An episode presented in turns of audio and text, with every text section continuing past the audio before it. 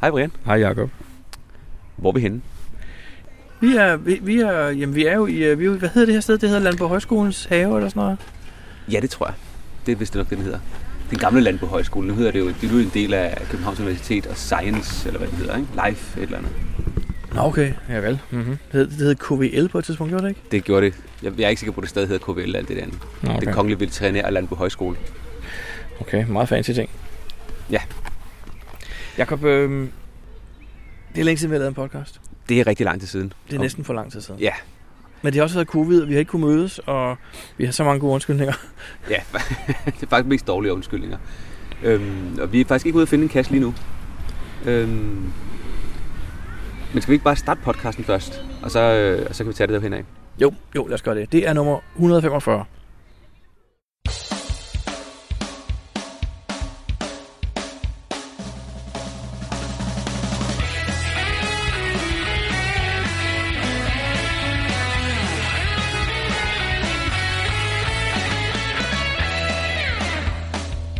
lytter til GeoPodcast, din kilde for alt om geocaching på dansk.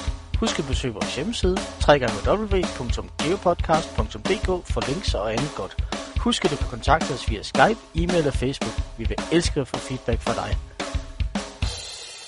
Øhm, den sidste podcast udkom jo øh, lige omkring det, da corona var startet. Og der var du faktisk i USA. Det er Og, rigtigt. og hvad, der, hvad der er sket siden sidst? Hvad, hvordan var det? Jamen, jeg havde lagt nogle planer. Jeg skulle jo til USA, synes jeg, og køre i camper for en gang skyld. ja. Hvor jeg, øh, jeg, havde, jeg havde fået fat i sådan en deal igen der, hvor man kunne hente den fra fabrikken, have den i 21 dage for en meget, meget, meget rimelig pris, og så skulle man aflevere den i den anden ende af landet. Og øh, jeg hentede den mandag den 9. marts, og min plan var at bruge de tre første dage på at køre halvdelen af ruten. Jeg skulle køre cirka 4.500 km. Så min plan var at køre igennem de første tre dage øh, til Texas, hvor der så var et mega-event, og så ville jeg tage de næste 18 dage stille og roligt og køre den resterende rute. De sidste 2-2300 km på 18 dage. Det er jo til at overkomme. Så kunne jeg tage det meget stille og roligt, stoppe hvor jeg ville, se hvad jeg ville, gøre hvad jeg ville. Ja. Og stort set i det øjeblik, jeg lander i Texas på tredje dagen, så begynder jeg at få beskeder fra alle mulige, at der har været pressemøde, og Mette lukker landet, og jeg skal skynde mig at komme hjem. Og jeg tænker bare, I kan rende mig, jeg bliver her. Men altså, så tænkte jeg lidt over det jo, og så gik jeg til et event om aftenen der, og jeg holdt sådan lidt afstand. Jeg, jeg havde jo været inde og læse om, hvad det egentlig gik ud på alt det her. Jeg havde også hørt om corona jo. Jeg holdt afstand til øleventet der torsdag aften, og snakkede med nogen, og de vidste ikke rigtigt, om det skulle gennemføres dagen efter, men de havde ikke hørt noget om, det skulle aflyses, og jeg var sådan meget... Øh, jeg var meget i tvivl om, hvad jeg skulle gøre. Jeg ringede til mit forsikringsselskab, og jeg prøvede at komme på den der udenrigslisten, danskerlisten. Det kom jeg aldrig på jo via deres app. Jeg kom aldrig på, at jeg fik fejl hver gang. Okay, Jeg tror, jeg ikke lyver, hvis jeg siger, at jeg prøvede 20 gange. Jeg har aldrig kommet på det. det var mærkeligt. Ja, men jeg ringede til mit forsikringsselskab, skrev til dem, og jeg ringede til firmaet, jeg havde fået bilen fra, og jeg fandt ud af, hvad jeg bedst kunne gøre, og hvad jeg skulle gøre, for jeg kunne ikke... Problemet var lidt, at jeg havde hentet den på fabrikken, og jeg skulle aflevere den i Los Angeles. Fabrikken ligger øst for Chicago. Så jeg kunne ikke bare smide den på et gadehjørne og flyve hjem, jo. Jeg havde ligesom ansvar for den her bil på en eller anden måde. Ja, selvfølgelig. Og jeg spurgte forsikringen, hvad nu hvis jeg bare stiller den? Jeg forklarede dem hele situationen, så hvad nu hvis jeg bare stiller den her i Texas? Hvad så? Ja, det var jo ikke så godt, men altså hvis jeg ikke havde andre muligheder, så var det var det, jeg gjorde. Ja. Men jeg ringede så også til, til det her firma og sagde, hvor, hvor er jeres nærmeste kontor, når jeg er i Texas? Så sagde de, jamen det er Las Vegas. Nå, det, er jo lige, det er jo lige rundt om hjørnet jo. Ja, altså, det virker kortere, men det er faktisk kun 100 eller 150 km kortere at køre alt i alt, når man er i Texas, og køre til Vegas, end at køre til Los Angeles. Ja, fordi Vegas er ikke så langt fra Los Angeles, nej. Nej, slet ikke når man kommer sådan ned fra lidt sydpå ned til sydlige Texas. Men anyways, jeg, havde, jeg, jeg skulle køre de her 2-2300 km så, så hurtigt som muligt, og så det brugte jeg så også tre dage på. Og så var jeg i Las Vegas. Og jeg kom samme dag, som de lukkede alle casinoerne. Øh, der var stadig åben på en, en campingplads, jeg havde valgt lige at holde ind på dagen, før jeg skulle aflevere den, så jeg lige kunne gøre rent og rydde op og få pakket mine ting og Ja, præcis. alle de her ting, jeg skulle gøre med bilen. Og der var heldigvis åbent, så jeg, jeg havde en nat på en campingplads, hvor mine, jeg havde mødt nogle tyske venner der, hvor vi hentede bilen. Og vi havde sådan haft kom- kommunikation hele vejen. De var også kørt mod Texas, men ikke helt langt som mig. Og vi havde aftalt, at vi skulle mødes senere på turen og sådan noget. Og de kom så også til den campingplads, så vi var også nødt til at drikke alle vores ølreserver den aften. Åh, oh, det er hårdt jo. Jeg havde købt ind til 18 dage. og det havde de også, så vi, fik, vi havde en rigtig, rigtig sjov aften der. Øh, selvom det var en mærkelig, mærkelig stemning, der var sted. Da jeg så kom over på firmaet den næste morgen for at aflevere camperen, så er deres plads jo proppet med camper, for alle har jo afleveret. Ja, det er klart. Alle, Alle- skal lige pludselig Det er jo stort set ikke? kun tyskere og svejsere og østrigere, der kommer og leger de her, gennem det her firma, for det er et tysk firma. Ah. Øh, og de var alle sammen på vej hjem også, så de havde alle sammen afleveret deres biler. Så pladsen, hvor der måske kunne holde hvad ved jeg, halvanden hundrede camper, den var proppet. Der var ikke plads til flere nærmest. Så da jeg kommer ind, så siger de til mig, har du ikke mulighed for at bare beholde den? Beholde den en uge, 14 dage, en måned. Kan du, kan du ikke bare beholde den? Du får den gratis, du får den gratis. Jamen lige præcis. Jeg havde jo faktisk betalt for de første tre uger, men Ja. alligevel jeg tænkte, ej, det er fristende det her jo. Hvis jeg handler til en uge, der var både køleskab og fryser, jeg kunne, jeg kunne shoppe alt det, jeg ville. Handler til en uge eller 10 dage, kører langt ud i ørkenen og bare hygger mig derude. Finder nogle kasser og går nogle ture. For mig selv, så er jeg jo sikker for corona. Ja. Men så var der en meget klog person, der sagde til mig, jamen hvad nu hvis du bliver smittet? Hvis nu du bliver syg med corona? Godt nok har du en rejseforsikring, Brian, men du har haft muligheden for at tage hjem, og du har ikke gjort det. Dækker forsikringen så? Ja, plus at øh, flyene holder op med at flyve. De var jo allerede begyndt at... Jamen, så kan jeg bare ikke komme hjem. ned. Ærgerligt, ærgerligt. Jeg tog hjem. Jeg kom hjem med det næste sidste fly, så det var faktisk rigtig fint nok. Det næste sidste satsfly fra Chicago hoppede jeg på, og øhm, det var fint. Er du glad for, at du kom hjem, eller vil du hellere være blevet over i USA? Det ved jeg faktisk ikke. Det er et godt spørgsmål. Jeg ved det ikke. Jeg, jeg, for, altså nu, jeg vil bare ærlig. Jeg er jo hjemsendt fra mit arbejde. Jeg keder mig, som jeg aldrig har kedet mig for. Jeg har ikke flere skabe, jeg kan rydde op i. Jeg har ikke mere støv, jeg kan tørre af derhjemme. Det er virkelig, virkelig, virkelig kedeligt at være mig lige nu. Jeg vil så sige, at jeg sparer en masse penge. Jeg kører ikke til at få arbejde hver dag, og jeg bruger ikke, jeg har regnet, at jeg brugt omkring 200 kroner om dagen på at spise mad i lufthavnen, når jeg var på arbejde. Det er ikke nogen kantine derude, jo. Ja. Så det sparer jeg også. Det er 4.000 kroner om måneden, jeg sparer der. Så at jeg er hjemsendt med kun 80% løn, det kan jeg godt leve med alligevel. Det går lige op, cirka. Ja. Så, men Jacob, øh, Men, men nu skal man... ja, det er corona. det håber jeg ikke. Okay. Men, men hvad, hvad blev det til sådan rent geocaching-mæssigt på den der tur? Blev det så overhovedet til noget? Fordi det var trods alt det, du var taget over Nå, jeg glemte at sige det. Fredag morgen, øh, den dag mega-eventet var, der var jeg sådan lidt, okay, jeg, jeg må sgu ellers sætte noget imod Las Vegas. Så jeg, jeg holdt faktisk øh, på P-pladsen til det store hotel, hvor eventet foregik. Og inden jeg kørte om morgenen, jeg havde overnattet på deres P-plads. Og inden jeg kørte om morgenen, så gik jeg ind til dem og sagde, hvad er eventet stadigvæk? Er det, åh, sker der noget i aften? Eller, eller i eftermiddag? Er der stadig event og sådan noget? Og de sagde, ja, det er der. Og hvis du vil skrive allerede nu, så ligger logbogen der. Okay. Så jeg skrev faktisk, sagde hej og tak, og gik igen og kørte mod Las Vegas. Så jeg har lukket mega eventet, og jeg har også været der, men jeg har måske ikke rigtig været der. Okay. Jeg snakkede med arrangørerne, de var enormt flinke og meget forstående. Så jeg har været der, uden at være der. Og Okay. jeg har været der. Jeg føler, jeg har været der. Mere end du bare fløjet henover. Meget mere. Okay. Jeg har sovet på. Jeg fik en first fight derovre forresten. Er det rigtigt? Mens jeg var på p-pladsen, så så Ej. jeg godt, der kom nogle folk ind, fordi de havde lagt deres labcacher ud på p-pladsen, hvor jeg holdt. Nå, ja. Ja. Så folk kom jo hele tiden. De var frigivet to dage før. Så folk kom jo hele tiden og skulle finde de her labcacher. Og så over på et træ hang der en stor hvid boks. Og folk gik over og kiggede på den og gik videre. Jeg tænkte, det var da egentlig mærkeligt. Hvad er det, mon? Så gik jeg over og kiggede på den. Så stod der GC over på den. Ja, Og den var låst. altså beholderen. Ja, ja. ja. Det var ret stor. Altså, verden været 30 gange 40 gange 40 cm eller sådan noget. Stor træboks. Låst på et træ. Eller var det lygtepæl? Lygtepæl, tror jeg. Låst med hvad? Med en, En kudelås. Så jeg kiggede lidt på låsen og tænkte, det er da sjovt, at det var sådan med bogstaver. Ja. Og øh, der stod S-I-T-A på låsen, der var der. Jeg tænkte, ej hvor sjovt, det er jo øh, det internationale flyhaløj, CITA. Ja.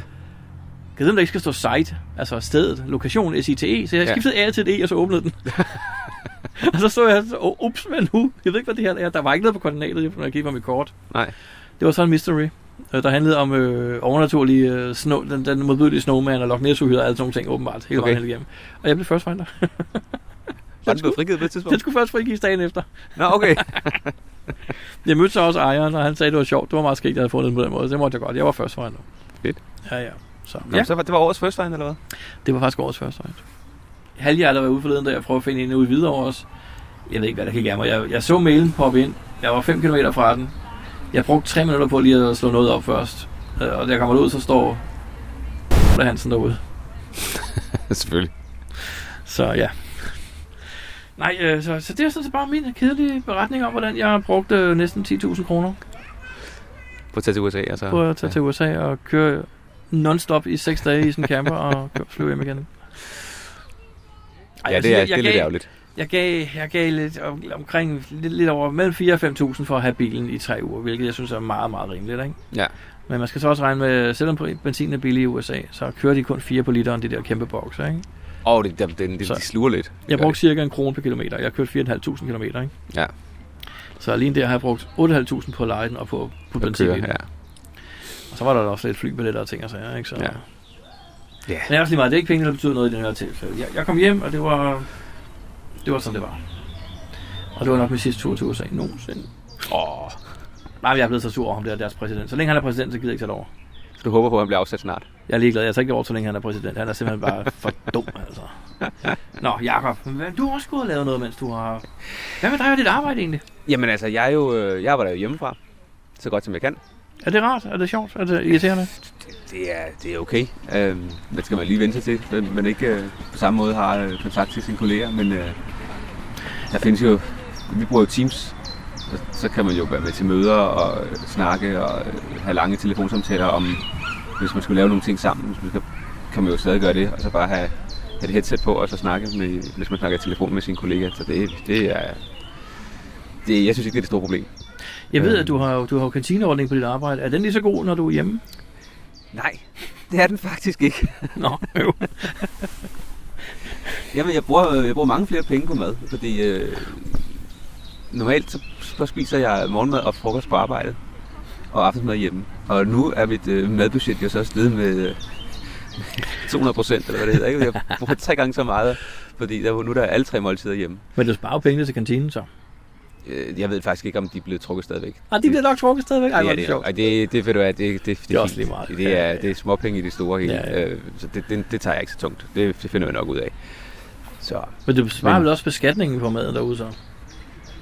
Du har da også en skatteting i det her kantinemad, er der ikke? jeg betaler, beløb, jeg betaler pengene efter skat. Nå, okay. Nå, nå.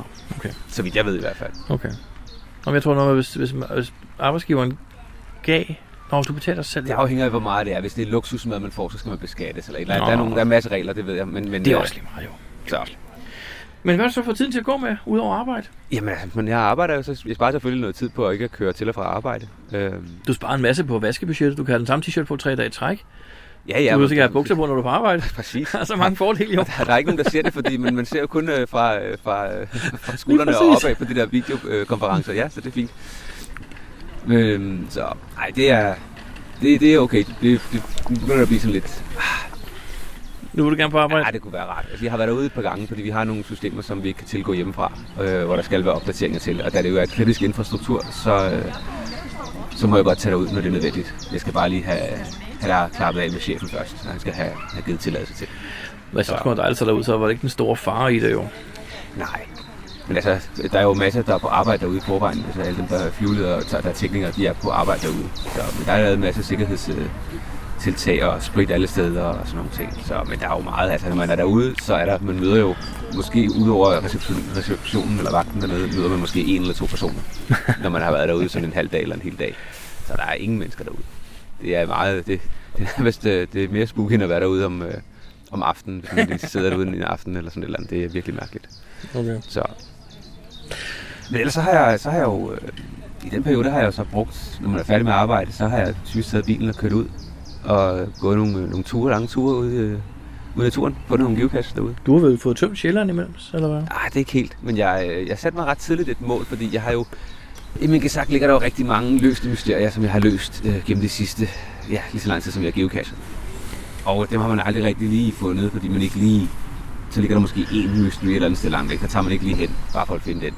Nu satte jeg mig det mål, at nu, øh, nu skulle jeg se at få, få bragt det tal ned fra 100 og, hvad ved jeg, 180 eller 150 løste mysterier og challenges for eksempel, til at nu i, i, i mit, mit område, som er Nordsjælland og København, og lige omkring Roskilde med os, det skulle, øh, det skulle nedbringes. Så det var, dem har jeg gået øh, Til 0. til specifikt efter. Så du er nede på, du har ikke flere nu. Jeg tror, jeg har et par enkelte stykker, og så har jeg en, en håndfuld, øh, som jeg har DNF'et, som jeg ligesom afventer og ser, hvad der sker med. Om jeg, gider ikke køre ud igen, fordi jeg har lidt længe, og nu må vi se, om der er andre, der finder dem, eller om CO gør noget. Flere af dem er blevet disabled. Så nu venter jeg på, enten bliver de arkiveret, eller så kommer de op igen. Vel? Så jeg har faktisk... Øh, altså, jeg, jeg fandt nogle mysterier, jeg havde løst for 12 år siden. som så heldigvis stadig lå der. så det var, det var, det var ret, så man ligesom fået, fået ryddet op i, i den del af, af de kasser, man, man har, man har løst, man har brugt. Nogle af dem har været mange timer på, men man har ikke lige fået, øh, fået taget sammen til at gå ud og hente dem. Så det, det gjorde man. Det fik jeg, mål, gik jeg målrettet efter. Men du har også lavet noget andet, Jacob, ved jeg. Nu, øh, Ja, fordi jeg har jo, øh, jeg fik jo i løbet af foråret en øh, mulighed for at lave en Adventure Lab. var det i foråret? Ja, det er øh, nu bliver jeg i tvivl om, hvornår jeg fik den. Jeg er ikke altid lige god til at få det gjort. Den, øh, den blev, øh, det skulle have været færdig en gang i starten af marts, tror jeg, 1. marts. Og så blev det udskudt, og så blev det udskudt igen på grund af noget corona, tror jeg. Hvis den skal være færdig i 1. marts, så, så har året kun to måneder gammel, januar og februar. Jeg tror, du har fået mere tid til at lave den. Ja, men det kan godt være, jeg fik den i slutningen af sidste år. Det kan jeg faktisk ikke huske. Jeg har ikke mailen liggende mere. Nej, okay. Men, men øh, den blev udskudt af en eller anden grund. Jeg kan ikke huske, om det var corona første gang, og så er den blevet udskudt rigtig meget nu også. Men nu fik jeg taget mig sammen til sidst, og nu har jeg fået, øh, fået frigivet den. Ja, er den blevet godt modtaget? Ja, det er den.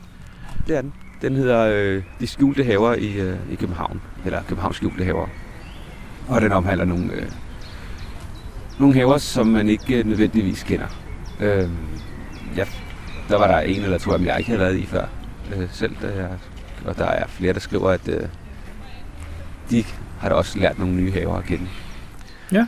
Og jeg har valgt, at den skal, man kan selv vælge øh, rækkefølgen på dem.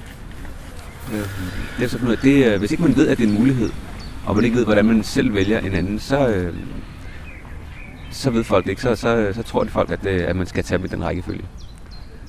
Det, det, kan man, det kan man læse på folks logs. Okay. Så, men det er altså en mulighed, man selv kan vælge rækkefølgen. Jeg vil jo lave en i øjeblikket. Og øh, jeg har valgt, at man skal tage den i en fast defineret rækkefølge. Ja. Men det er fordi, jeg synes, jeg har... Jeg har fundet en af de fem opgaver, øh, har fundet på noget rigtig sjovt, og den vil jeg godt have ligget til sidst. Ja. Øh, og det gør jo så også, at jeg faktisk bare på min øh, bonuskasse, jeg har valgt at lave, bare kan sige, at her er koordinaterne til bonuskassen. For jeg ved, at det er først på femte step, man får dem. Ja, lige præcis. Det kan du ikke rigtig på din jo. Nej, det kan jeg ikke, så derfor får de en, øh, en, en, nogle tal i hvert, øh, efter hvert, øh, efter hver labcache, og så til sidst, så kan man øh, lægge dem sammen øh, på den rigtige måde, det, og det står der selvfølgelig i bonuskassens beskrivelse, og så øh, finder man øh, slutkoordinater til bonusen. Jeg har været at finde den labkasse. Jeg synes, den er fin, Jacob. Meget fin. Tak. Og øh, jeg gav den selvfølgelig fem stjerner og skrev en lille kommentar. Kan du se det nogle steder? Ja, jeg kan godt se kommentarerne, men jeg får ikke besked om, at der er kommet nogle kommentarer, eller jeg får ingen besked overhovedet. Ingen mails øh, omkring det overhovedet, så jeg skal aktivt ind en gang imellem og se, hvad det er, folk har skrevet om den. Okay. Og det synes jeg faktisk er lidt ærgerligt, fordi det glemmer man måske. Altså, det kan også går der måske en uge, og der måske er der nogen, der har skrevet noget, som er vigtigt. Altså for eksempel, det var meget, meget svært at komme til step et eller andet, fordi det der gået i stykker eller et eller andet. Så medmindre at, at, at vedkommende så skriver en, en direkte mail eller besked til mig, eller måske skriver det i bonusen, jamen så får man faktisk ikke nogen besked. Og det er heller ikke muligt at, at lave en DNF på en labkasse. Eller sådan en nej. maintenance eller sådan noget. Det er, der, det er der ikke mulighed for. Nej, det er faktisk rigtigt. Så det, det er faktisk lidt ærgerligt. Der, Ja. der burde man om ikke andet få en mail, hver gang der har nogen, der har, der har givet det stjerner og har skrevet en besked. Det synes jeg var, så man ligesom ved, den blevet fundet igen, og de synes, at den var god, eller de synes, den var mindre god, eller her er et forslag til rettelse eller et eller andet. Jeg ved ikke, om det vil blive for meget, men man kunne jo få en besked, når en ny bruger gik i gang med det første step. Det kunne man også. Og så kunne man få en besked, hvis han efter fem dage ikke havde fuldført den, eller et eller andet, jo. Så ved man, at der det, er måske er et også, eller andet. det er jo også en mulighed, ja. Men, men øhm, Men der er også nogen, der tager dem over lang tid, jo, når de bare kommer forbi. Lige Ligesom vi præcis. gjorde med de her fodboldstadions. ja, den er vi faktisk ikke engang færdige med nu. Og du er ikke. Og du har taget den sidste. Jeg har, jeg vil sige, jeg har brugt lidt meget benzin måske bare på at få tiden til at gå ved at køre rundt i, på Sjælland, Lolland og Falster. Så jeg har været lidt rundt og tage forskellige ting. Det eneste, Okay. jeg egentlig mangler, det er den der vandrestien oppe i Nordvest Sjælland. Højt Nå, den der virtuelle der. Ja. ja. Så, men, men, men hvis min den er også, fordi det på København, så, så man kan sagtens tage den over flere dage, fordi hvis man øh, for eksempel er- på gåben, så er det altså en lang tur. Hvis man det er en lang til dem tur. alle sammen, ikke? Vi cyklede rundt til den. Vi Øhm. var beta-tester på den, Lotte og jeg, det kan vi Ja. godt afsløre. Og det giver ikke nogen fordel, fordi man skal rundt igen, når den rigtige kommer jo. Ja, for ja, man kan ikke logge dem ellers, nej. Nej. Og hvis man som mig ikke tager billeder af de spørgsmål og de svar, der er, så er man faktisk nødt til at gå hele vejen ind og finde stedet igen jo. Ja, og vi har faktisk en af, en af opgaverne ændrede jeg jo også lidt på, fordi ja, jeg havde noget feedback fra jer, hvor I sagde, det var, det var lidt for, det var for nemt. Eller det var, det, man, man, Men, man, Nej, ikke fornemme, du kom ikke rigtig rundt op. man kom ikke rundt i, Nej. i, i haven, som man gjorde med de andre. Så Jo, det, øh, det havde, havde I fuldstændig ret i, så jeg, jeg lavede en lille tilføjelse til den opgave. Men den er rigtig god. Vi cyklede rundt, og vi startede, vi mødtes faktisk klokken 10, og vi var færdige klokken 12.01. Ja. Så en cykeltur tager to timer, og det inklusive, at vi lige brugte lidt tid i haverne og snakkede lidt selvfølgelig, og bare pjattede rundt, og Ja. to, to års god tid ikke, på cyklen. Mm. Så Jamen, to det er timer. fint. Det synes, jeg, det synes jeg er meget fint. Vil du afsløre, hvad din øh, den handler om, eller skal det være lidt en, øh, en surprise nu? Nej, men når den her podcast er udkommet, så tror jeg faktisk også, at min uh, labcache er udkommet. Okay. Øh, den handler om Frederiksstaden. Ja. Som jo, som du ved, er en del af København. Mm. Øh, og der har jeg fundet fem steder, jeg synes, der var værd lige at vise frem. Og så, og så er der en bonuskasse. Jamen, det er jo godt. Lad os se, hvordan den bliver, øh, bliver modtaget. Jeg ved, du har arbejdet øh, ret meget på den i hvert fald. Jeg tror aldrig, jeg har brugt så mange timer på en kasse før. Men det er måske også, fordi jeg arbejder sådan meget abstrakt, når jeg arbejder. Og så har du også haft meget tid. Jeg har haft meget tid. Jeg, jeg får en idé, og jeg forfølger den. Og så sidder jeg og kigger lidt på den lidt senere, og så tænker jeg, at det var måske bedre, hvis jeg gjorde sådan og sådan. Så starter jeg forfra og laver det igen, men lidt anderledes. Og så får jeg en helt ny idé undervejs, som jeg så begynder at forfølge. Og så kommer jeg hjem og siger, ej, det blev noget værre råd, det der. Jeg tror faktisk, at jeg er på version 5 i øjeblikket af min Adventure Lab. Hold da op. Um, Det er lidt vildt alligevel. Men den er også meget audiovisuel, kan man vel godt sige. Ja. Så jeg er spændt på at se responsen. Jeg er faktisk meget spændt på at se responsen, og det er... øh, Ja. Men det kan man jo så læse ud af sin bonuskasse. Jeg går ud fra, at folk skriver i bonuskassen, hvad de synes om Adventure Lab. Ja, det gør de også. Det gør de. Og selvfølgelig også på selve Adventure Lab'en kan man jo også. Der giver man jo stjerner, faktisk. Godt. Men alle kan jo se, hvor mange stjerner de enkelte har givet, kan man ikke det? Hvis man, hvis man går ind og kigger på, øh, på logbogen. På en, øh, man kan godt læse, hvad andre folk har skrevet. Okay, det kan jeg heller ikke huske. Men, men har du lavet andet ellers siden sidst? Nej, det har jeg ikke. Det er sådan set mit liv i en nødskal. Men så har jeg jo lært det her Zoom at kende. Og Teams. Og fundet ud af, man laver videomøder på Messenger og på Skype. Der findes mange muligheder. De har fået kronedage, de der øh, Det har de godt nok. online mødetjenester. Men øh, nej, jeg har ikke lavet andet. Hvad, hvad, hvad med dig? Har du planer? Har du lagt planer om at skulle rejse for snart? Altså, jeg havde jo en masse planer. Øh, Vi skulle jo have været i, øh, i Prag sidste weekend Det er rigtigt. til, øh, til Geocachings fødselsdag, øh, Giga-event i Prag, og det øh, blev ra- aflyst efter ikke særlig lang tid. Øhm, og vi fik annulleret vores Airbnb, og er ved at få annulleret vores flybilletter, og Ja, flybilletterne, det driller lidt, ikke? Og ja, det driller lidt, men sådan er det. Og hvad, hvad øh, jo, altså, så er der jo øh, HQ, øh, Udskudt et år. eventet, eventet i august. Det er jo også blevet øh, aflyst og og udskudt. Øhm, Men jeg tror, jeg havde planlagt flere ture end de to. Jeg havde da regnet med, at øh, de her lange weekender her i maj måned, og sådan noget, der skulle man jo have været ude at rejse et eller andet sted. Men øh, det bliver ikke lige til noget med det samme. Så, men sådan er det. Så når man at se, øh, se en masse steder i Danmark, og Geopodcast. Dansk Geopodcast. Hej Lotte og Michael, kan I høre mig? Hej Brian. Hej Brian. Vi står øh, cirka 800 meter fra hinanden. Nej, det kan så ikke. Et par meter. To øh, meter, de- mellemrum, og du har fået lavet en fin stang til optageren. Det er en microphone boom, jeg har lånt inden fra DR. Ge-. Caching og corona. Har, har corona påvirket jeres geocaching-verden hverdag, Michael? Ja, vi er faktisk begyndt at gashe lidt mere, fordi øh, vi hører til nogle af dem, der har fået besked på at arbejde hjemme. Og, øh, Begge to? Begge to. Så vi sidder fordelt henholdsvis i stue og på første sal og har hjemmekontor der. Og når vi så har været færdige med det, så har vi synes vi skulle have noget frisk luft. Og så er vi gået ud i vores bil, og så er vi kørt ud et sted, typisk i en skov, eller et sted, hvor vi kan, vi kan cache på afstand af andre. Og det kan man sige, det er jo step 1. Det overholder de retningslinjer, som myndighederne har sat, at øh, vi skal holde afstand. Så er næste step jo selvfølgelig at røre ved noget, som andre også har rørt ved. Og det har vi sammenlignet lidt med at gå ned i supermarkedet og, og handle. Der piller vi også nogle varer ned fra hylderne, som andre har rørt ved. Så derfor har vi typisk øh, spritet hænder, inden at vi rørte ved en cache, og når vi så havde lukket den, så har vi spritet hænder igen. Det lyder som nogle meget gode, øh, gode måder at gøre det på. Michael, øh, hvor længe har I arbejdet hjemmefra? Ja, det er vel efterhånden en måned nu, ikke? Det er mere end en måned. Ja. Og I er stadigvæk gift? Jamen, jeg synes, vi er faldet ind i en meget god rutine med dels øh, at få noget daglig motion ved at gå en lille hurtig tur på en 5-6 kilometer.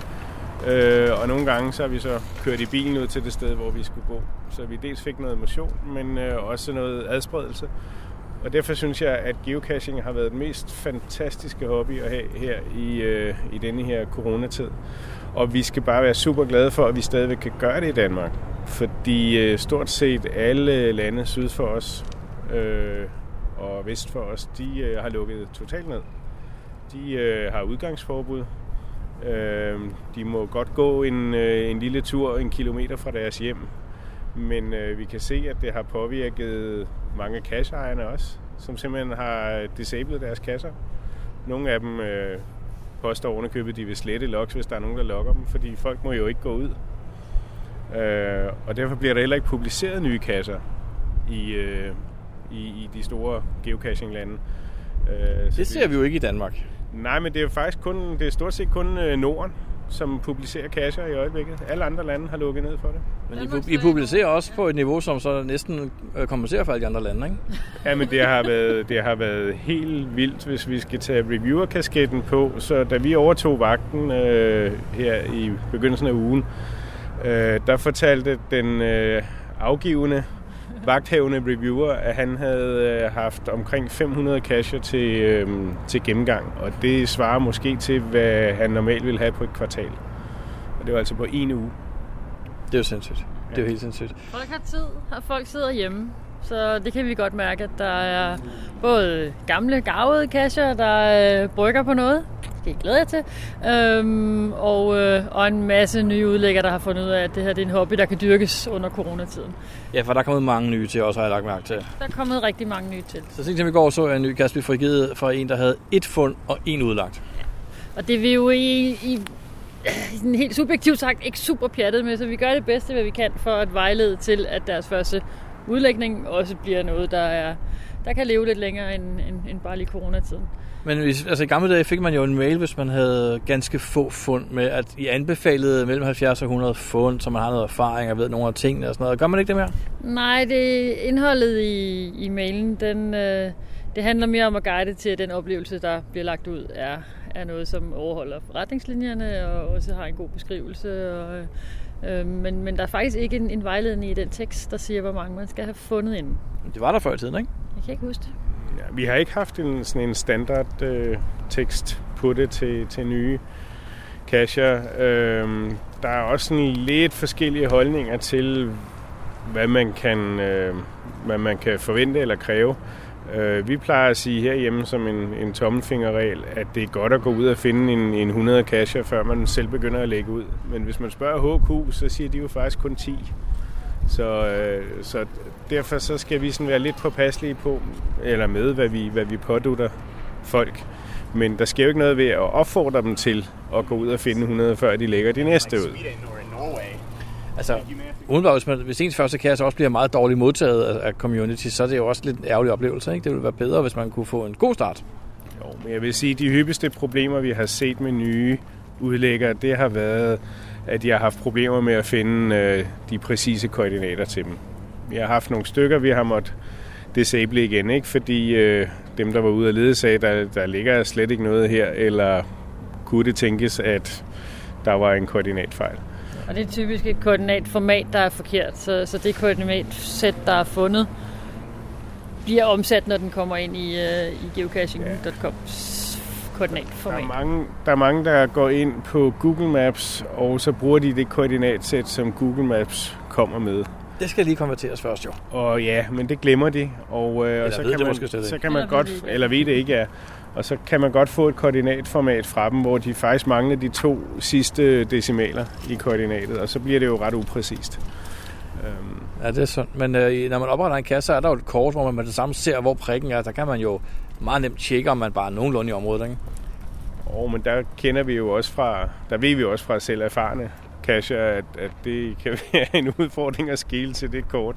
Og er så... skoven, og er det så den ene trætop eller den anden trætop, den peger på her, det, det kan jo også være svært. Ikke? Så det, det er jo nemt nok, når vi står ved, ved hjørnet af et hus, og, og se, at den ligger rent faktisk på hjørnet af huset, men, men ikke alle, alle placeringer er lige nemme at, at aflæse. Hvad tror I fremtiden bringer? Både med corona og med caching? Det er svært at sige. Altså, jeg tror for, for geocaching handler det vel om at fastholde dem, som stadigvæk vil hobbyen. Og, øh, og det håber vi, vi gør ved, at vi stadigvæk øh, kan udgive kasser i Danmark. Øh, jeg tror, at mange af de andre lande, de, øh, de slås lidt med at fastholde øh, folks interesse for hobbyen, når de nu ikke kan komme ud og dyrke den. Jeg tror, der er mange, der er bange for, at de mister nogen på, på den konto, hvor de finder på noget andet at lave. Men, øh, Det er oplagt jo, ja. Det er det vel.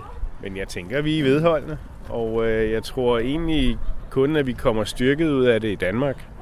Øh, vi har fået en masse nyt blod ind i vores øh, community, og dem skal vi jo øh, sørge for at omfavne så godt som muligt og hjælpe og vejlede. Vi har alle sammen været der, da vi startede, og skulle lære noget nyt.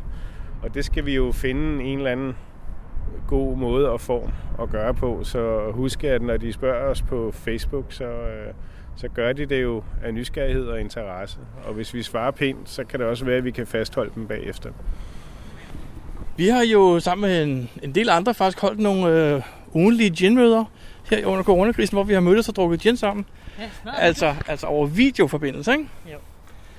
Og det er jo en fornuftig måde at gøre det på. Men hvad med at tage på kasttur? Ja, nu er vi jo på kasttur sammen, så øh, Jeg har også lidt ondt i armen med at strække den så langt ud hele tiden. altså det, vi har jo tænkt over det inden, øh, både at spørge, om der er nogen, der vil med os, fordi det kan jo også være lidt kontroversielt, men øh, vi tager vores forholdsregler. Wow. Og øh, kører hver vores bil, så vi ikke er i samme lille rum, og øh, er jo kun udendørs sammen og med afstand. Så, øh, så det tænker jeg overholder de retningslinjer, der, er- der er udstukket, at vi gør det sådan, og jeg Men- føler ikke, at der er, nogen risiko for, at jeg kan give dig noget med, med denne her to meters afstand. Nu ved jeg fra jer to, at I er meget påpasselige, og I er jo meget, meget fornuftige mennesker, og I vil også godt have jeres datter ser sin kæreste nogle gange, så I er meget forsigtige jo, men hvad med andre mennesker? Kan man vide, om de, er, om de har opført sig ordentligt, og kan man stole på dem, og kan man tage på tur med andre mennesker? Det er jo en tillidssag. Ja, det er jo en personlig vurdering, øh, om man kan og vil og tør det. Øh, så det synes jeg, det, jeg synes, man skal passe på med ikke at dømme andre på det område. Men, men øh, vi har taget vores personlige forholdsregler, og øh, vi har arbejdet hjemme i fire uger, har ikke været i, i, i nær kontakt med andre. Vi har ikke været i nærheden af nogen, som øh, senere har vist sig at have øh, corona. Øh, og vi har jo kun leget med de samme to legekammerater, ligesom børnene. Hvad? Nå, okay, så det må være mig og... Øh, Og Jacob. Der er Jacob Pigt, men hver gang vi har mødtes, har vi kørt til stedet i egen bil, som Lotte siger. Øh, altså i hver vores bil, så har vi ikke kørt sammen eller noget. øhm, og vi har, vi har holdt den øh, formelle afstand, som, som vi også gør nu. Ikke? Og, øh, og så tænker jeg, at den umiddelbare største smittefare, det er det, man rører ved, eller andre har rørt ved.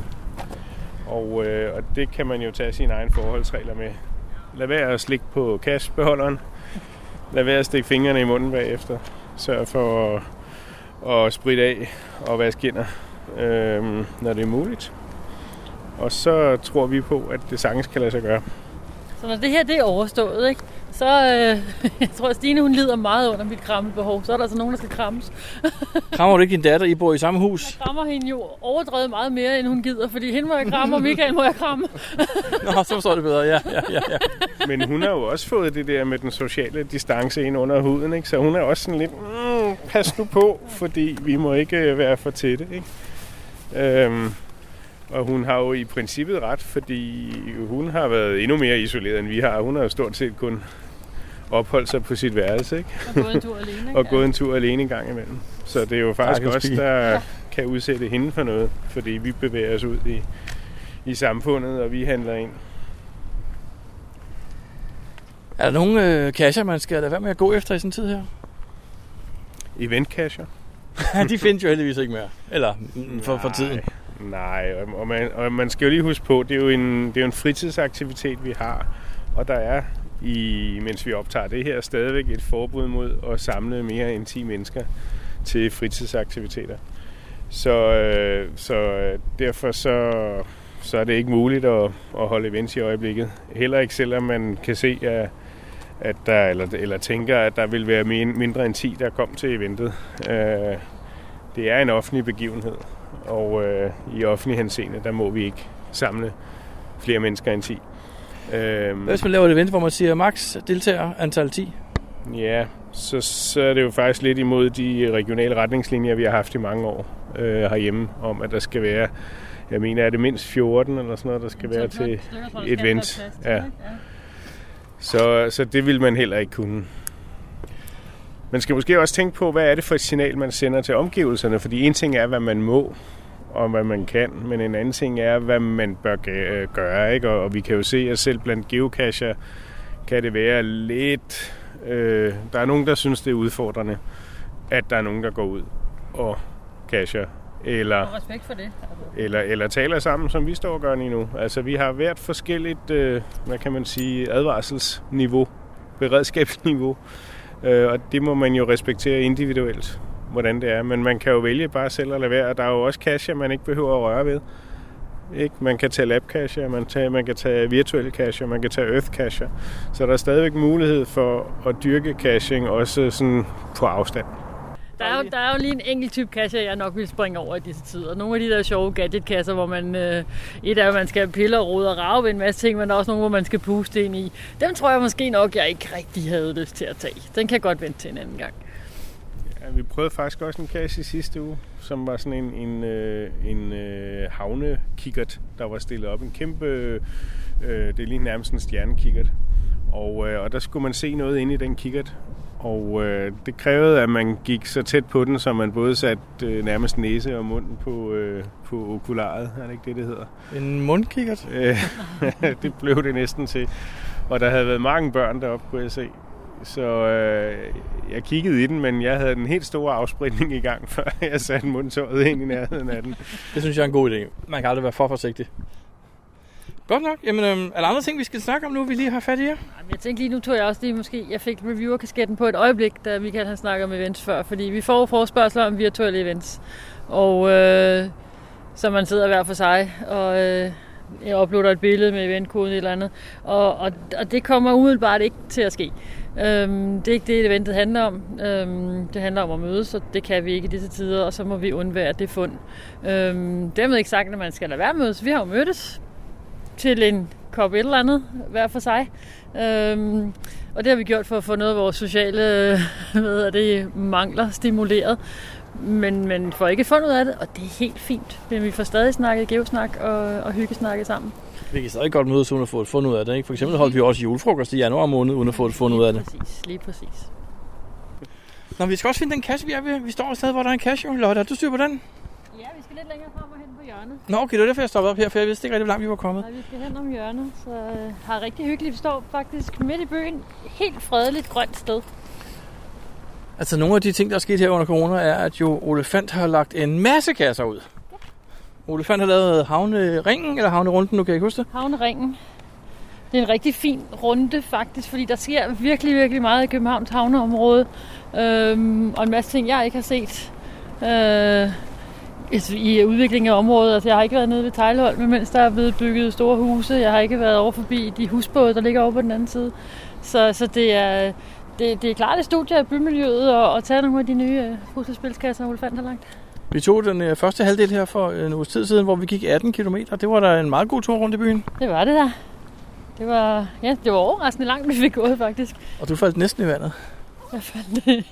Og det kan man se på Facebook. Det kan man se på Facebook, ja. Nogen tabte noget nede i vandet, det var vist mig.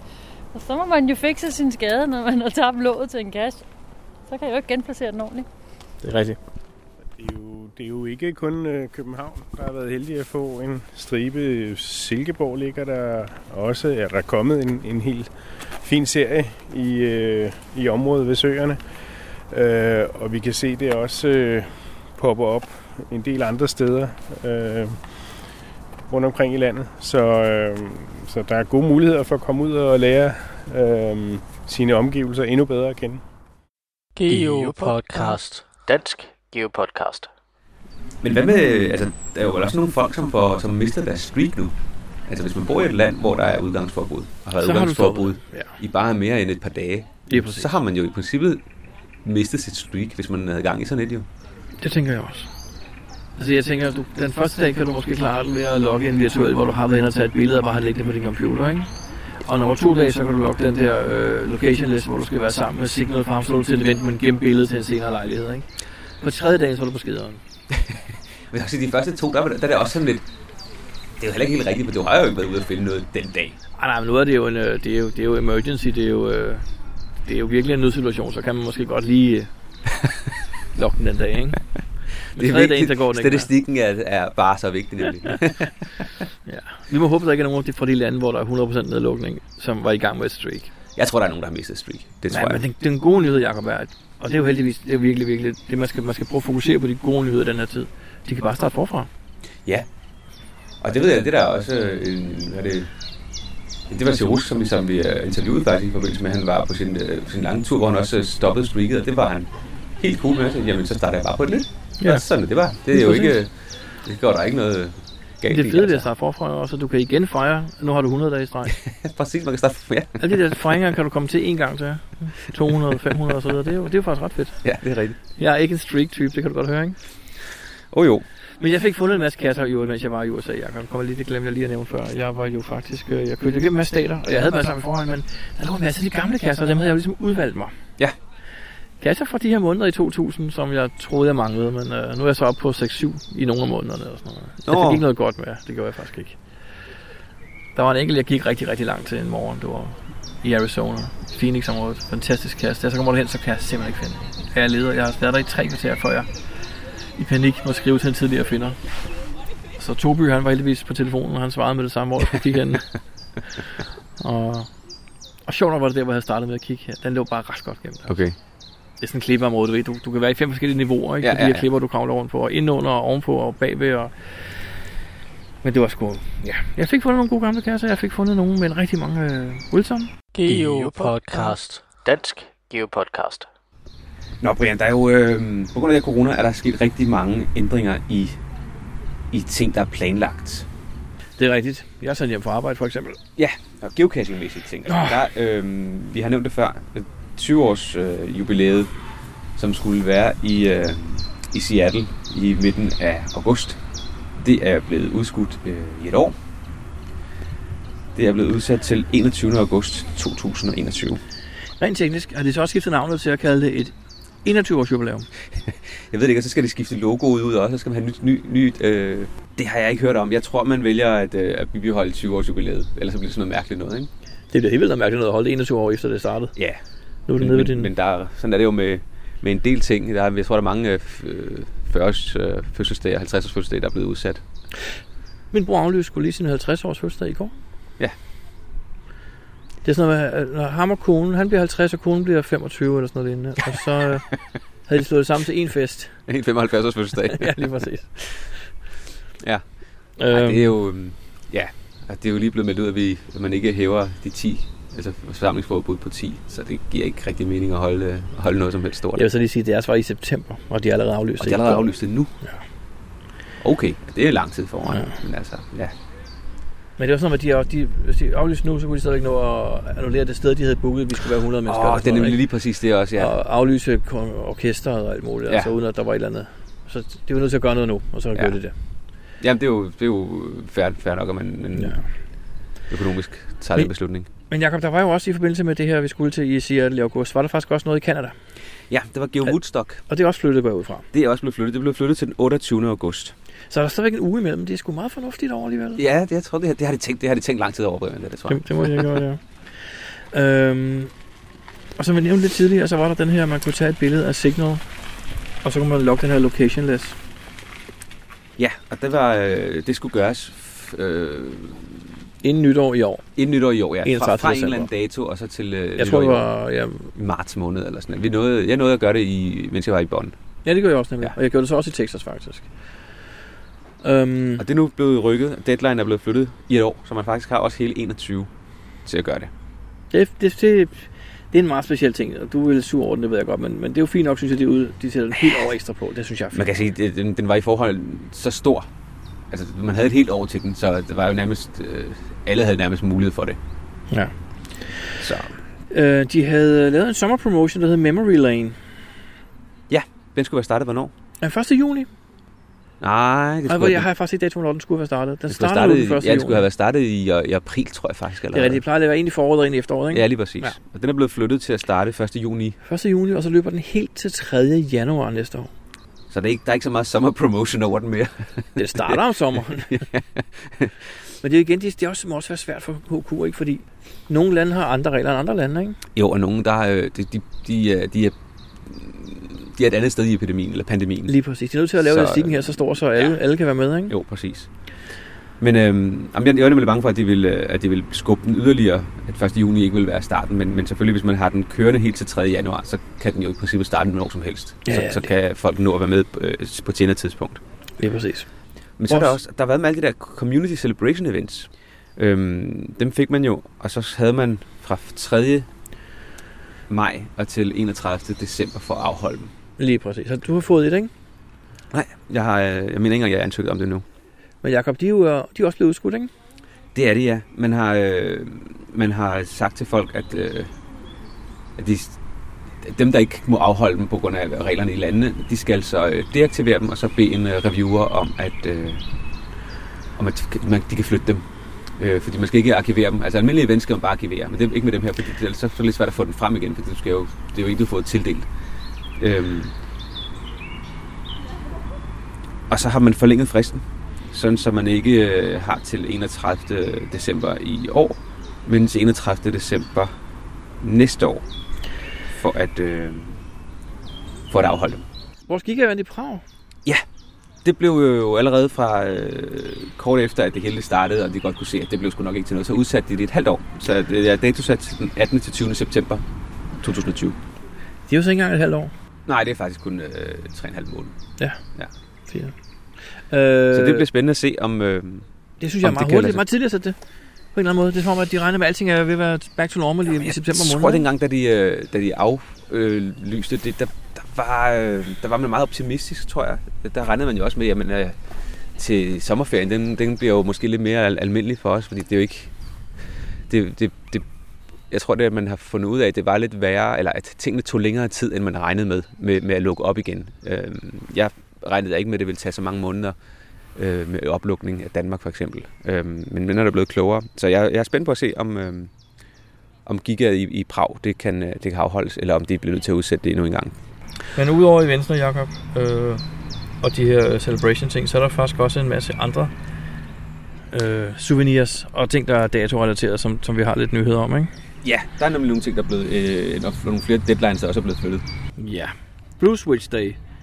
Det er den, man normalt kan få ved at gå og finde noget den 2. maj. Ja, og Blue Switch, Brian, hvad er det? Jamen, det er jo vores øh, måde at sige, at det var den dag, som satellitterne begyndte at flyve vores vej, ikke? Hvis man kan sige det sådan, ja. Det var den dag, som det amerikanske militær åbnede for det, der hed... Selected Availability, Lige præcis. der gjorde, at øh, ja, før i tiden var der en indbygget øh, usikkerhed på GPS-signalet på, hvad var det, 100 meter, 200 meter eller sådan noget? Nej, var det ikke bare 20? Det var i hvert fald Ej, nok til, det var at mere. var det mere? Nå. Ja. Det var nok til, at det var lidt svært at geocache. Eller Ja, det var faktisk umuligt umuligt. at geocache, og man kunne heller ikke rigtig bruge det til at, at køre med GPS'er i til biler og sådan nogle ting. Nej. Øhm, men, men det amerikanske øh, militær havde jo selvfølgelig dekrypteringsnøglen, så de kunne bruge sit, øh, signalerne til noget præcist. Og så valgte øh, den amerikanske præsident Bill Clinton at åbne for signalet, sådan så at alle i verden kunne bruge det. Og der med, derved blev det så også muligt at lave geocaching. Og det var den 2. maj 2000, og det var så den 3. maj 2000, den første cache blev lagt ud, dagen efter. Lige præcis. Lige præcis. Og derfor har man haft noget, der hedder Blue Switch Day i nogle år efterhånden. Ja, Hvor man ligesom fejrede den dag med, at hvis du bare fandt en kasse en dag, så fik du en souvenir. Ja. Og det fik jo folk til at gå ud den 2. maj og nyde det gode vejr i hele verden. Og, og, og hvordan er det så i år, Jacob? jamen i år, der har de jo så valgt at, øh, at forlænge den dag til, øh, til 31. december 2020. Ja, hvordan synes du, det er? Jeg synes, det udvander det temmelig meget. Nå, det synes du alligevel. det synes jeg. at, man, at, du har, at du har 8 måneder til at finde en cash. Jeg ved ikke, om jeg Ja. når det. Det må jeg skulle sige. Jeg tænker, de kunne også bare dele den ud til alle. det kunne de også have gjort. Og så omdøbt det sådan corona-souvenir eller sådan noget. Ja, jeg synes, den er, sådan lidt, øh, den er sgu lidt for udvandet. Det er lidt det... Men igen, der er nogle lande, der slet ikke planer, regner med at lukke op før måske Nej, og, og, oktober, og, november, december. det er jo rigtigt, men, men så er der måske nogen, der ikke får den. Og det tror jeg faktisk, folk overlever. Ja. Der er en eller anden øh, tendens til, at, at det skal gøre alle glade. Alle skal have en chance for at få øh, alle souvenirs nærmest. Det, det, det virker sådan lidt... Øh, jeg, jeg synes, det er lidt mærkeligt. Nu vi snakker om, sur, sur, hvad? nu vi snakker om satellitter, så vil jeg lige sige en ting faktisk. Øh, har du hørt om det, der hedder Starlink-satellitter? Ja. Elon Musks serie Ja. af satellitter. Ja. Har du set dem fra hen over himlen? Ja, det har jeg faktisk. Det er ret vildt sygt. Ja, det er lidt sindssygt. Ja. Hvis man går ind på den hjemmeside, der hedder findstarlink.net, Der kan man se, hvornår der de kom- kommer forbi. Der kan du sådan taste din lokation, hvor du er, og så får du vide, hvilken retning du skal kigge, og hvad tidspunkt de passerer. Og det er jo 60 satellitter, som et tog, der sejler hen over lin- og himlen i en lang linje. Det ser fantastisk Det er lidt ud. sindssygt, ja. Jeg vil bare lige nævne det, for det, det, er, jo, det er jo helt sindssygt, det projekt, han har gang i der. Ja. Men Jacob, øh, andre souvenirs, der er blevet på, påvirket af det her? Jamen altså, Cito-sæsonerne for eksempel. Øh, den første sæson gik jo fra øh, 1. marts og så til 31. gang i maj. maj eller sådan et eller andet. Tre måneder som regel. Ja. De er blevet forlænget til at gå til 31. august. Okay. Øhm, og det er for eksempel noget, der berører Danmark, fordi der er ikke rigtig nogen øh, Cito-events nu. Der er ingen events nu. Nej, nej, Så jeg har heller ikke noget fundet, faktisk, Jeg, tror, måske, jeg ved ikke, om der er nogen, der, der nåede at få et Cito-event i en af de første 11 dage i, Og det marts, tænker jeg, inden, de øh, plejer at være meget ude med, at de har events i nogle af de allerførste dage, når sæsonen Ja. starter. Så må ikke der er nogen, der har fået Ja, jeg, Jeg ved, har ikke ja, nej, jeg har heller Nej. ikke noget af det. Men, øh, ja. Men sæson 2 ligger jo, som den altid har gjort, ikke? Jo, den, øh, den øh, starter September, så fra september november. til november, ja. Ja. Eller det er i hvert fald stadig planlagt. Man Ja. ved jo ikke, om, om de ændrer på nogle af de datoer igen september efterfølgende. kan, kan, kan godt være, de gør det jo, men lad os nu se. For eksempel er der også den 15. august, er der jo International Geocaching Dag. Jamen, der er ikke kommet noget nyt om den endnu. Der er ikke kommet noget nyt endnu. Nej. Jeg tror, den afventer lidt. Men det kan også godt være, at de, øh, de forlænger det med et par år eller et eller andet. Ikke? Så Jo. man har en to-tre år til at finde en kast for at få den souvenir. Jakob, nu er du sarkastisk jo. Nej, nej. Hvad To, mener tre du? år. Der der er kommet nogle, nogle landesouvenirs. Øh, januar måned, der kom Åland. Ja. I februar, der kom øh, Vatikanstaten. Mhm. Marts, der kom den Dominikanske Republik. Og april, der kom Kambodja. Så de kommer stadigvæk. De kommer stadigvæk. Og det er jo sjovt, når folk ikke må rejse ud og tage dem, men der er selvfølgelig mange, der får dem retroaktivt nu. Ja, lige præcis. Og du, der er jo ingen, der siger, at du skal ud og finde dem nu. Jo. Du kan også finde dem om et år eller 10. Ja. Der er også lige en anden ting, jeg synes, vi lige skal nævne, fordi der, dem folk, der har en Adventure Lab og ikke har lavet den endnu, de har faktisk fået en ny deadline, der hedder 31. august i år. Præcis. Og dem, der har en Virtual Reward, og som ikke har 2.0. nået at få publiceret den, så er deadline nu 31. december 2020. Ja. Og i den forbindelse, der skal vi jo nævne, at øh, vi jo her i øh, Dansk Geopodcast havde en konkurrence, hvor man skulle gætte, hvor mange af de nye virtuelle 2.0, som ville blive øh, frigivet. Dato for konkurrence var, at øh, hvor mange der var blevet frigivet per den dag, hvor, at, øh, hvor, Ja, man, øh, hvor den hvor, rigtig- det var lukket Den før. første deadline, og, ja. den, og den deadline har jo selvfølgelig øh, forlænget øh, tilsvarende. Yes. Så vi finder ikke nogen øh, vinder af den øh, før engang i øh, starten af 2021. Hvis vi husker det. Ja, hvis vi husker det. Men Jakob, øh, der er også sket noget andet i den her forfærdelige coronatid. Hvad er det? Der er kommet en masse nye folk ud af geocache. Det var øh, specielt lige omkring påsken, hvor folk de tænkte, hvad skal jeg nu lave? Jeg Ja. sidder herhjemme, jeg må ikke øh, rigtig rejse nogen steder, jeg må ikke tage i sommerhus, øh, hvis det ligger langt væk, jeg må ikke tage til Sverige, jeg må ikke tage til Tyskland, man må ikke, øh, ikke flytte så langt væk, man må ikke holde påskefrokoster med familie, man må ikke noget. Jeg sidder her med tre børn, hvad skal jeg lave? Hjælp! Du skal ud og geocache, min ven. Og der var rigtig mange nye geocacher, det, det eksploderede i øh, Facebook-grupperne. Ja. Øhm, Du skal gå ud og geocache, var den besked, de ligesom hørte. Og de hørte også, du skal ikke sætte, ind i, du skal ikke sætte dig ind i det først. Du skal bare gå ud. Ja, det er, jeg ved ikke, problemet er, at der er ikke rigtig nogen... Øh, hvis man bare downloader appen, så er det jo øh, så er det svært at sætte sig sådan rigtigt ind i det. Ja, ja, og det er også det, jeg, jeg er jo bare lidt ironisk, fordi det er jo heldigvis en ting, man bare kan gå i gang med. Ja. Det er forholdsvis nemt. Der er nogle enkelte ting, man lige skal vide. Du skal nok ikke bare tage beholderen med hjem.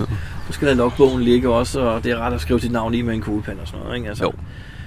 Men udover det, så er det jo sådan set, det, det er jo fint nok. Men jeg har så oplevet lidt sjovt alligevel, Jacob. Jeg fik Okay. faktisk for to dage siden en, øh, en, en note på en af mine kasser, hvor der stod, at step 1 lå på jorden. Okay, hvad for en kasse var det? Ja, det er den, jeg har, der hedder noget med Lego i toeren. Ja. Og jeg tænkte, "Nå, jeg må lige ud og kigge på den så. Og det er to eller tre dage siden. Og i går fik jeg så en ny besked af den samme bruger. Og den her gang var det en no-find, hvor der så står, alle de koder, jeg fik ud af step 1, den ved jeg ikke, hvad jeg skal med. Og det er så bare at sætte koordinater. Nå, Jeg er rimelig ny i det her, jeg ved ikke, hvad jeg skal med de koder. Hmm. Ja. Og så tænker jeg, hvad gør man der? Skriver man en besked til personen? Hvordan hjælper man dem bedst videre, Jacob? Åh, det er svært, hvis... Øh, Og ikke lige specifikt den her bruger, men generelt med de nye, når de laver sådan nogle små øh, man, skal, man, skal være, man skal være venlig, og så skal man hjælpe dem. Du skal ikke udskamme dem på Facebook, Nej, vel? det skal man ikke. Man skal, man skal hjælpe dem på vej, fordi de ved ikke bedre. De er lige startet, og de har ikke, de har ikke al den erfaring. Øhm, man kan pege dem i retning af forskellige helpcenter på geocaching.com. Der er faktisk rigtig mange gode artikler. Og man kan pege dem i retning af Wikipedia. Og lige om snart, Meget snart. og meget snart, så kan man pege dem i retning af en øh, begynder geopodcast, som øh, Jeg lavede Dansk Geopodcast. Der er mig. Vi har, øh, vi har faktisk snakket om det her i øh, mange år. Jeg så en, øh, jeg fandt en note, vi havde fra 2015, hvor vi faktisk har snakket om det første gang, eller på et tidspunkt. Måske endda også til før det. Ja, men nu har vi fået taget os sammen. Og vi også, lad os bare sige sådan, vi har haft noget tid til det jo. Ja, nu har vi haft øh, masser af tid til, at, øh, hvor man ikke havde så mange andre ting, man skulle, man skulle nå osv. Så, videre. så nu har vi fået øh, sat os ned og øh, begyndt at optage øh, til en, øh, en podcast for begyndere. Eller mest for begyndere. Mest for fordi begyndere, Det, øh, Og vi for- har, vi har, vi har sådan lidt tænkt på, at det skulle laves som en form for... Øh, det bliver ikke en lang podcast, hvor man skal høre fra ende til anden for at vide alt om, på, om geocaching. Vel? Nej, det bliver delt op i, øh, i emner.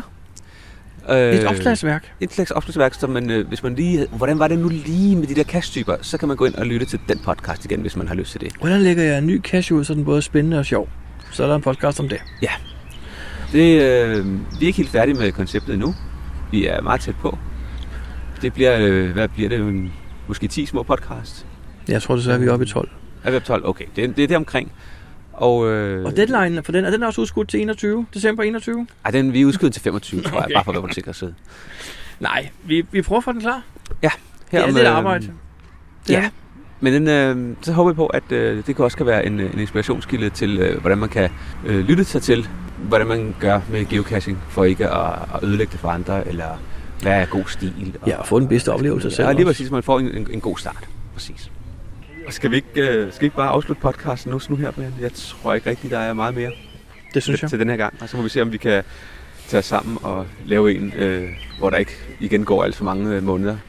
Lige præcis. Tak til vores lyttere for, at I gider at lytte, og husk nu at være holde afstand og passe på jer selv og vaske hænder og ikke øh, rode jer selv i hovedet hele tiden.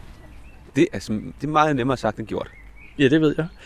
Jeg sidder og kigger på dig her, mens vi optog, og du har faktisk siddet og græmset på dig selv i ansigtet. hele tiden. Jamen, det, det sker, selvom man ikke... Øh, man ved, man ikke skal, men så er det godt, man kan spritte fingrene af øh, ofte. Så pas på jer selv derude. Vi høres med.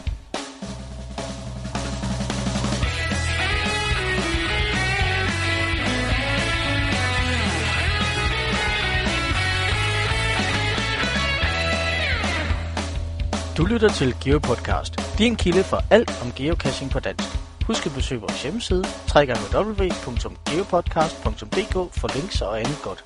Husk at du kan kontakte os via Skype, e-mail og Facebook. Vi vil elske at få feedback fra dig.